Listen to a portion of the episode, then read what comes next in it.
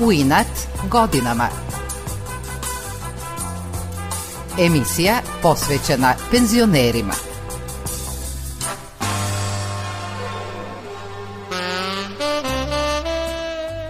Dobro jutro svima vama koji ste spremni za naše današnje druženje.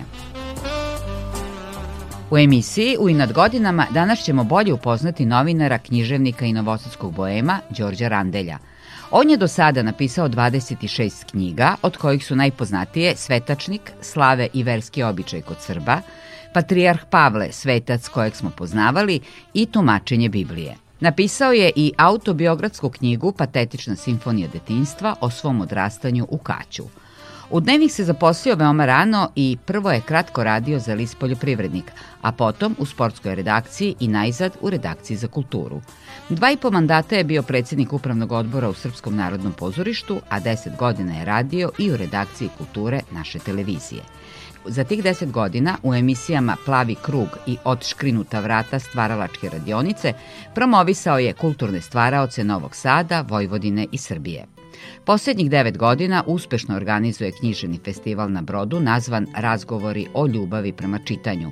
Do sada je organizovao oko 200 knjiženih večeri sa piscima iz Srbije, ali i regiona. Posebno je ponosan na svojih 14 knjiga u kućnoj biblioteci koje sakuplja od detinstva. Univerzitetska profesorka u penziji književnica Ljiljana Pešikan-Ljuštanović dugogodišnja je prijateljica Đorđa Randelja. Njegova radoznalost, zainteresovanost, duh, a posebno smisao za humor ne dozvoljavaju mu da ostari, kaže ona. Đorđe je novinar i pisac i sin i ujak i brat veoma ponosan. Đorđe je otac. Đorđe je neverovatni magup koji se mojoj sestrični predstavio ja sam tvoj budući teča pred svojom ženom i pred mojim mužem. Ili je moga muža upoznao sa svojom sestrom, ovo je momak moje buduće devojke. Đorđe je beskrajno duhovit. Đorđe je velika radost postojanja i trajanja. Novinar i pisac Đorđe Randelj kaže da je svoje najbolje osobine razvio dok je srećno odrastao u parohijskom domu u Kaću. Kač je jako dugo za mene bio ceo svet, a ceo svet je stao u Kač. Naravno, posle sam otkrio jednu veću planetu koja se zove Novi Sad i u mladosti sam mislio da je to mali grad i putovao po celom svetu i tražio sve, a uvek najlepše bilo kad sam se vraćao u Novi Sad, koji je sad meni sve veći i veći, jer sam ušao u dubinu, njegovu istoriju, njegovu znamenitost. Kaže Skerlić da je Novi Sad bio u 18. i 19. veku, da se u Novom Sadu pisalo i mislilo za ceo srpski narod. Đorđe kaže da mu je žao što i ona nije kao ostala deca na selu savladao neke svakodnevne veštine u seoskim domaćinstvima i što nije sa drugarima išao kući nekoliko kilometara.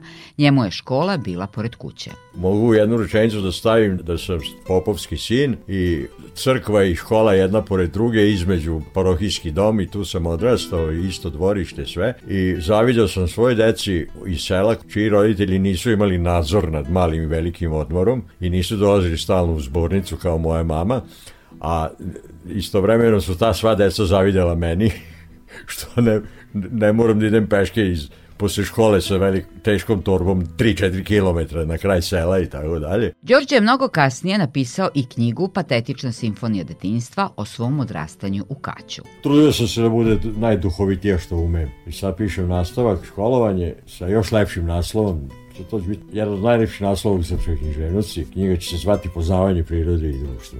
Jer u stvari tad si upoznao sve. Sve što znam u životu naučio sam iz moje gimnazije i pre toga u osnovnoj školi u Gađu. Pogovor za tu knjigu napisala je njegova prijateljica, književnica Ljiljana Pešikan Ljuštanović. Verujem da je kod Đorđa ostao stalno živ taj dečak To je vrlo dobra knjiga, prvo vrlo vredna knjiga u domenu književnosti za decu i književnosti za odrasle, onoga što se često zove crossover, e, naduzrasna književnost. Odrasli Đorđe priča o malom Đorđu i vi shvatite posle nekog vremena da jedan i drugi imaju niz zajedničkih osobina. Radoznalost, živost duha, e, sposobnost da se e, udubiš u nešto što ti nije poznato. Posle završena osnovne škole u Kaću, upisuje se u gimnaziju Jovan Jovanović Zmaj u Novom Sadu kaže Đorđe. Isti razredni starešina je bio mom ocu i meni i pola nastavničkog kadra su bili mom ocu i meni. Moj otac je ta generacija ratom umetenih, rođen 29. pa je išao u gimnaziju tu posle 45. Ja 68 revolucionarne i posle gimnazije sam upisao dva fakulteta, Bogoslovski u Beogradu i Pravni u Novom Sadu i oba sam napustio na vreme. Strast prema stranim jezicima, a i pravdi, opredelila ga je da se upiše na ta dva fakulteta, objašnjava Đorđe. Na Bogoslovski fakultet sam otišao zbog jezika, tamo ima jako puno lepih jezika, jevrejski, grčki, staroslovenski, crkvenoslovenski, ruski. Celog života sam imao strast prema stranim jezicima, ali tog nekog hrišćanskog pravoslavnog sveta, jer kao što je grčki, ruski i staroslovenski, i ni, nisam dugo tamo izdržao, a pravni fakultet sam mogao da završim jer sam bio najbolji student generacije, ne zašto sam nešto pametan jer u društvenim naukama ni to ne vredi, nego, nego sam bio najveći štreber, bio sam na svim časovima od, od jutra do mraka i vato beleške i svaku reč profesora skidao i sve desetke u indeksu imao. Iako je bio, kako kaže, najbolji student na pravnom fakultetu, napustio ga je zbog novinarstva,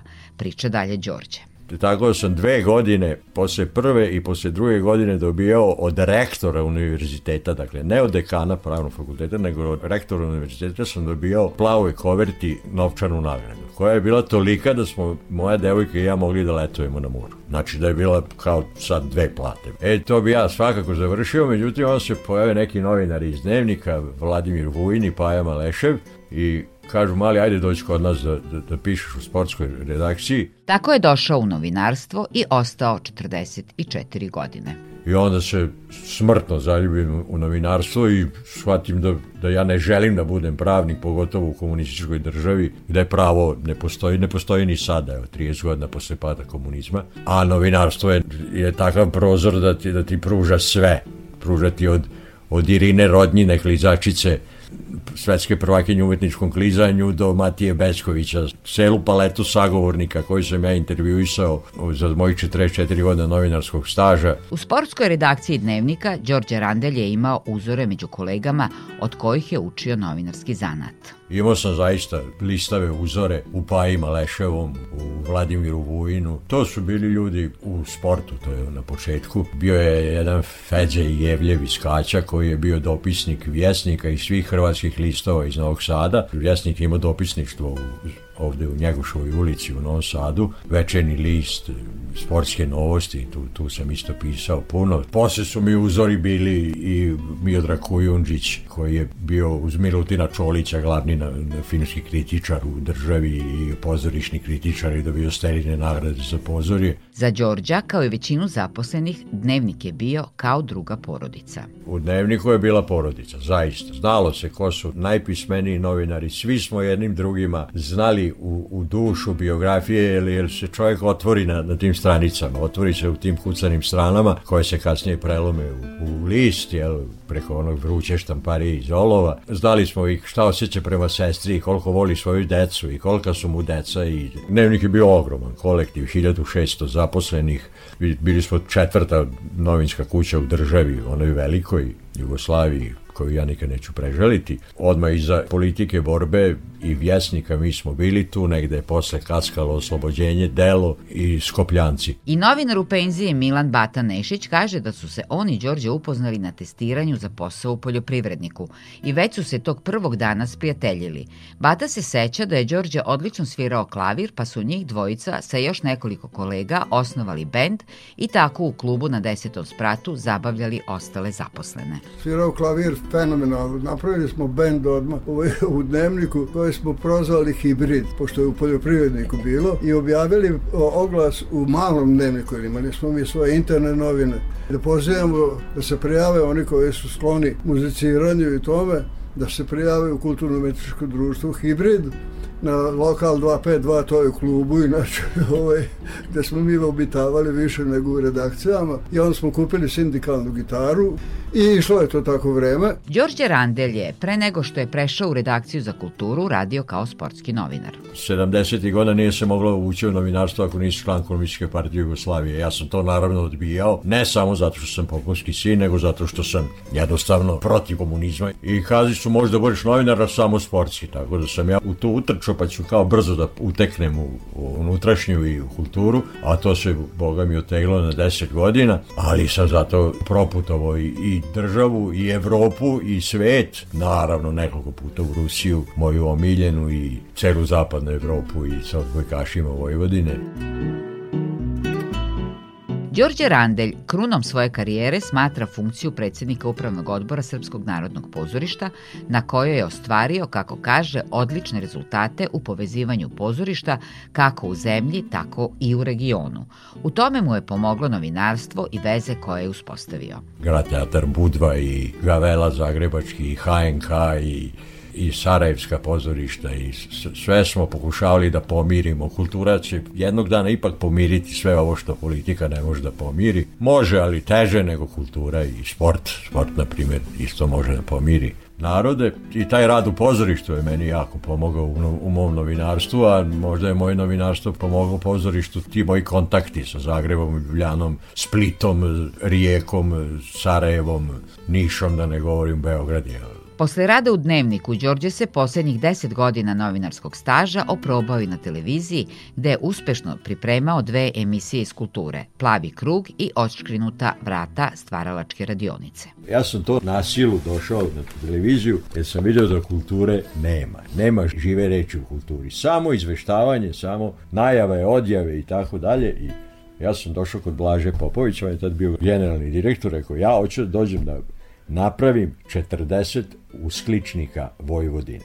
Ljudi koji su uskličnici ove ravne Vojvodine da to bude Mladen Markov, da to bude Slavko Gordić, da to budu Zoran Paunović, Ivana Paunović, da to bude Ljilja Pešikan, da to budu Radoslav Petković, Vladislava Gordić, najveći pisci koji žive u Novom Sadu i u Vojvodini. Profesorka anglistike na Filozofskom fakultetu i prevodilac Ivana Đurić Paunović kaže da je Đorđe upoznala upravo gostujući u emisiji Plavi krug. Kad sam bila mala, onda sam čitala kolumne koje je Đorđe pisao u dnevniku. Tu smo u komšiluku Turku na limanu. Sreteli smo se, ali smo se zapravo počeli družiti kada je počeo sa svojim ciklusima emisija na televiziji o ljudima koji se bave književnošću, pa smo moj suprug i ja kao prevodioci se tu pojavili i od tada se družimo intenzivno.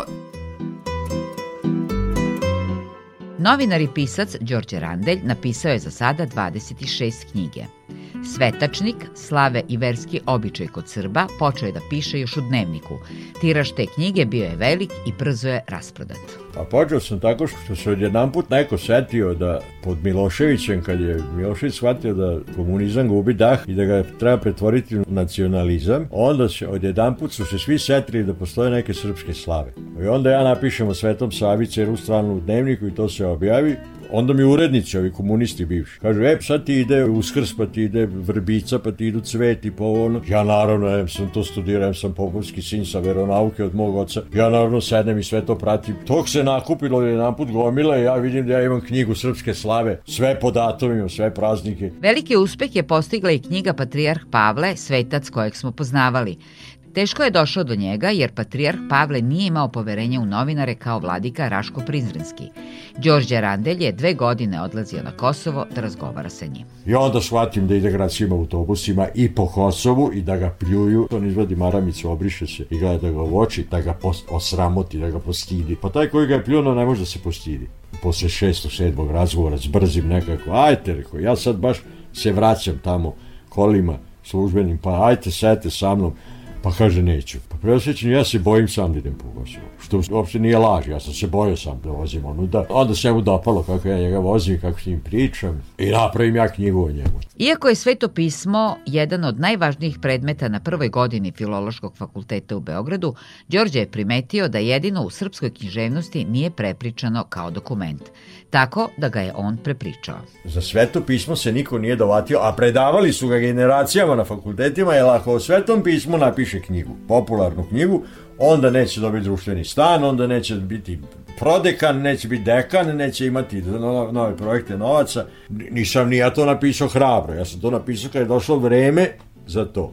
Za to kad, kad je to postalo važno, Sramota je da 50 godina mi nismo imali takvu knjigu. Novinar i pisac Đorđe Randelj izuzetno je ponosan na svoju bogatu biblioteku koju stvara od najranijeg detinjstva. Kad sednete uz televizor i okruženi sa 14.000 knjiga, vama ne trebaju ni cipele, ni, ni, ni auto, ni, ni benzin, ni putovanje ja sad završavam knjigu o, o Jerusalimu, o put, putopisima, pa tamo u Jerusalimu nema niko koga bi ja volio da vidim. Oni su svi na drugom svetu još već 1900 godina, a u mojim knjigama oni su živi. Putujem i u prošlosti, u budućnosti, po svim meridijanima. Profesorka anglistike Ivana Đurić-Paunović kaže da se ona i Đorđe druže uz knjige i nadopunjuju se on njoj otkriva onaj deo književnosti koji ona kao anglista slabije poznaje. Mislim da nema nikog u Novom Sadu koji ima ovoliko knjiga koliko on ima i ko je toliko knjiga pročitao i ko o knjigama može toliko zanimljivo i toliko kompetentno da govori o njima. Uvek otkrije neki detalj koji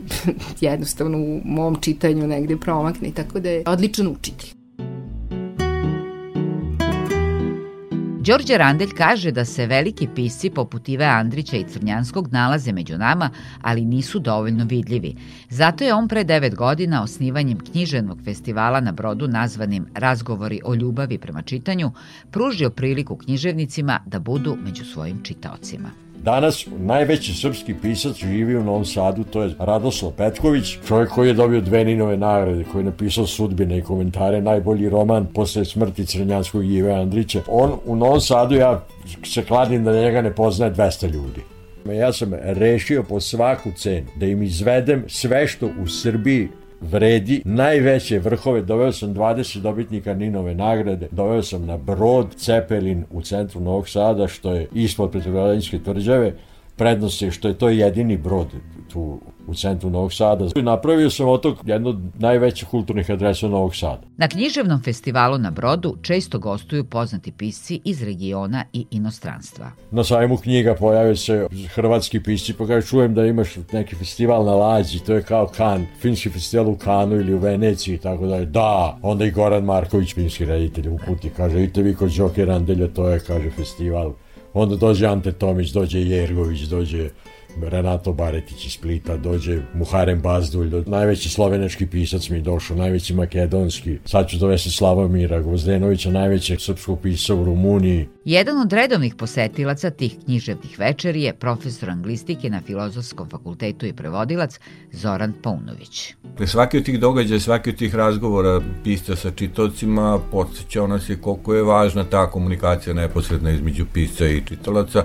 Drugorandelj zaista ume da uspostavi i, i jednu relaksiranu atmosferu u kojoj ljudima nije ni malo neprijatno niti zazorno da eto pitaju pisce sve što ih uh, zanima. Najviše koristi od tih književnih večeri imaju zapravo izdavači jer knjige mogu i tu da se kupe, kaže Đorđe Randelj. I onda njihovi su troškovi dovoženja tih pisaca na to gala književno veče i odvoženja i možda im daju i neki honorar i prodaju neku knjižicu i tako ja bez dinara to njima radim 9 godina, napravio sam skoro 200 književnih večeri, da nije korone bilo bi već 250, korona je dve godine pomela, grad je malo sad pomogao poslednje godine, nadam se da će to godine malo bolje biti. Novinar i pisac Đorđe Randelj nastavlja organizovanje susreta pisaca i čitalaca na brodu Cepelin i o tome ljubitelja lepe reči obaveštava putem društvenih mreža. Bilo je to sve za danas. Do sledećeg susreta pozdravljaju vas Nevena Vrtulek i Damjan Šaš. Thank you.